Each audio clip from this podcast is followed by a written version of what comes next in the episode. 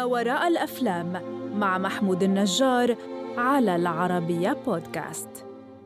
مشروع واحد بس. هينقذ حياة 90% من نساء الهند لكن كمان هيساعد في تقليل نسبة الفقر والجهل في الدولة. إيه حكاية المشروع ده؟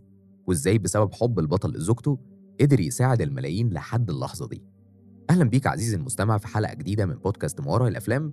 أنا محمود النجار والنهاردة هاخدك في رحلة لما وراء الإنسانية والعبقرية والحب.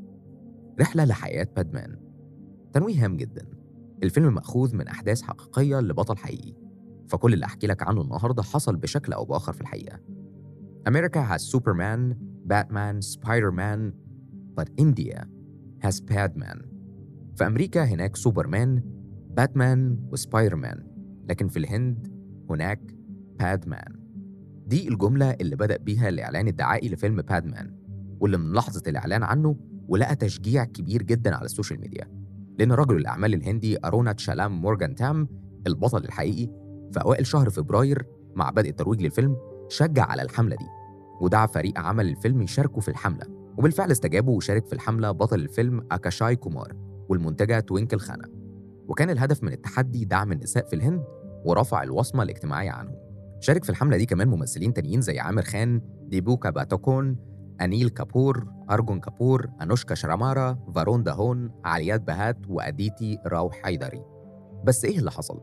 ليه كل الضجة دي عليه؟ وليه اتشهد بالنجاح من قبل ما ينزل؟ وهل كان ده كله علاقة بالقصة الحقيقية؟ خليني أحكي لك من البداية والقصة ورا الفيلم أصلا القصة عن أرونا تشالام موجانا ثام بادمان واللي قبل ما يكون رائد أعمال كبير كان عامل في ورشة لكنه ما كانش عامل عادي كان ذكي جدا وشخص بيتعلم من كل اللي حواليه موجان أثام بيكتشف بعد جوازه التأثير السلبي اللي بيحصل على زوجته أثناء فترة الحيض واللي بيعرف بعدها من دكتور في قريته إن 90% من الستات قرى الهند بيتعاملوا مع الفترة دي معاملة مرضية جدا وكتير منهم بيتعب بسبب عدم قدرتهم على شراء فوط صحية لأنها غالية. موجانا سام بيخترع ماكينة صنع الفوط الصحية منخفضة التكلفة وبيكون صاحب الفضل في نشرها على مستوى شعبي لنشر الوعي بالممارسات التقليدية غير الصحية حوالين الحيض في الريف الهندي.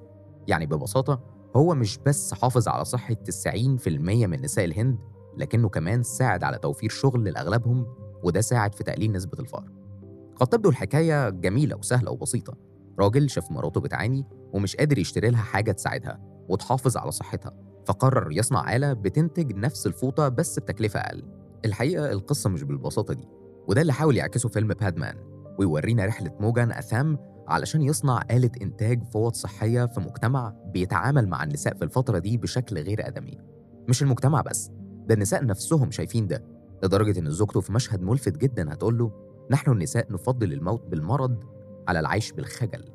العبارة دي قالتها جاياتري البطلة لكاشيمي البطل وبالجملة دي لخصت حال المرأة الهندية اللي بتتعرض للاضطهاد بسبب الثقافة الشعبية. ومن ناحية تانية أفكار بتتسبب في مرض عدد كبير جدا من النساء لدرجة إن فترة طبيعية بتتعرض ليها أي امرأة في العالم لفترة جحيم وبيتم نبذهم زي ما الفيلم حكى وده اللي بيحصل في الحقيقة للأسف. الفيلم بيمر بثلاث مراحل بنشوفهم مع البطل لاكاشمي المرحلة الأولى اللي بنشوف فيها قصة حب جميلة ما بين البطل والبطلة واللي هتشوف فيها لاكاشمي في كل لحظة بيعمل أي حاجة علشان يخلي زوجته تعيش في سعادة ورخاء. نهاية المرحلة دي بتبدأ تظهر لما لاكاشمي بيفهم اللي بتتعرض له مراته في فترة الحيض. ولما بيحاول يساعدها ويروح يشتري لها فوط صحية من الصيدلية بترفض تماما لأنها غالية جدا. وكعادة لأكاشمي بيلجأ لحل تاني وهو إن هو يصنع الفوطة بنفسه اعتقادا منه إنه هيقدر يعمل ده بسهولة. لكن أول تجربة بتفشل فشل ذريع وكل القرية بتنتقده ومراته وأهله بيحسوا بالعار وهو بيقرر يسيب القرية ومش هيرجع غير لما يحقق هدفه. المرحلة التانية وهي محاولات لأكاشمي في التعلم ودي مرحلة ممتعة جدا ليك كمشاهد والبطل نفسه. لأنه ببساطة هتشوف شخص غير متعلم وهو بيتعلم بطريقة أولية جدا. بيشوف الآلة بتشتغل إزاي وبيقرر يبسطها على نفسه ويعمل زيها لكن بطريقته وبشكل أرخص وقادر يطلع نفس المنتج بتكلفة أقل. المرحلة دي هنعيش فيها كتير مع البطل هنشوف محاولاته الفاشلة ومحاولاته الناجحة. واللي هيعرف إنها ناجحة بسبب شخصية ثانوية في القصة هتشاركه جزء كبير من الطريق. نهاية المرحلة دي نجاح كبير جدا للبطل ولفكرته واللي هيعملها على قرى الهند ويخلي الآلة متاحة لأي قرية تشتريها وده هيساعد ستات كتير جدا إنها تشتغل في قرى معدومة تماما. المرحلة الثالثة واللي فيها البطل بيفتخر بنفسه وأهله ومراته وقريته هيفتخروا بإنجازه اللي هيوصل للعالم كله. في الفيلم بنشوف لاكاشمي في توك مؤثرة جدا عن دوافع مشروعه وقد إيه المشروع مش بس هيغير حياة النساء في الهند لكنه هيساعد على تحسين الاقتصاد عامة ويحوله لاقتصاد قوي. وهنا قال جملة عظيمة جدا. Big man, strong man, not making country strong. Woman strong, mother strong, sister strong, then country strong. لاكاشمي أو موجانا جاثام بطل القصة الحقيقي كان بيحب زوجته جدا وكان قاطع وعد على نفسه إنه يحميها تحت أي ظرف وبسبب حبه ليها قدر يعمل كل ده وينفذ وعده الفيلم نزل في 9 فبراير سنة 2018 وحقق 34 مليون دولار أمريكي في جميع أنحاء العالم وبكده يعتبر عاشر فيلم بوليوود الأكثر ربحاً لسنة 2018 في موسم 66 جوائز الأفلام الوطنية وكمان فاز بجائزة أفضل فيلم عن قضايا اجتماعية أخرى. وفي الفيلم ده حصل الممثل أكشاي كومار على ترشيح أفضل ممثل في حفل توزيع جوائز فيلم فير رقم 64 اللي ساعد في نجاح أكشاي كومار في فيلم Pad Man هو سهولته لأن ببساطة جدا هتحس إن كل حاجة حقيقية وقدم الدور بمرونة جدا وعشت معاه القصة بكل تفاصيلها. شاركته في البطولة راديكا آبتي. نجحت آبتي في دور جايتري الزوجة اللي بتستسلم للعادات والتقاليد واللي بتحب جوزها جدا لكنها بتتكسف من تصرفاته قدام رأي المجتمع. دورها في فيلم Pad Man ونجاحها فيه ساعدها تخرج من بطولة الأفلام القصيرة والمسلسلات لبطولة الأفلام. وعلى ذكر البطولات لازم نتكلم عن دور سونام كابور.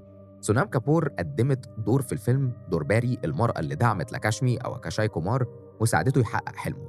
باري قدمت دور عبقري ومهم جدا في الفيلم. البنت الجامعية المتعلمة المنفتحة على العالم والمطلعة بشكل كبير واللي هتقدر تساعد لاكاشمي في بيع المنتج وكمان يدخل مسابقات كبيرة علشان يعرض مشروعه ويتشاف في المجتمع الهندي. فيلم بادمان بكل تفاصيله فيلم مميز جدا وسواء القصة أو الحوار أو الفكرة وحتى الموسيقى والإخراج محتاج تشوف الفيلم. وتستمتع بكل تفاصيله وكمان المزيكا اللي فيه. شوف الفيلم دلوقتي لو ما كنتش شفته واستناني الحلقة اللي جاية في فيلم جديد من بودكاست مارا الأفلام المقدم من العربية بودكاست.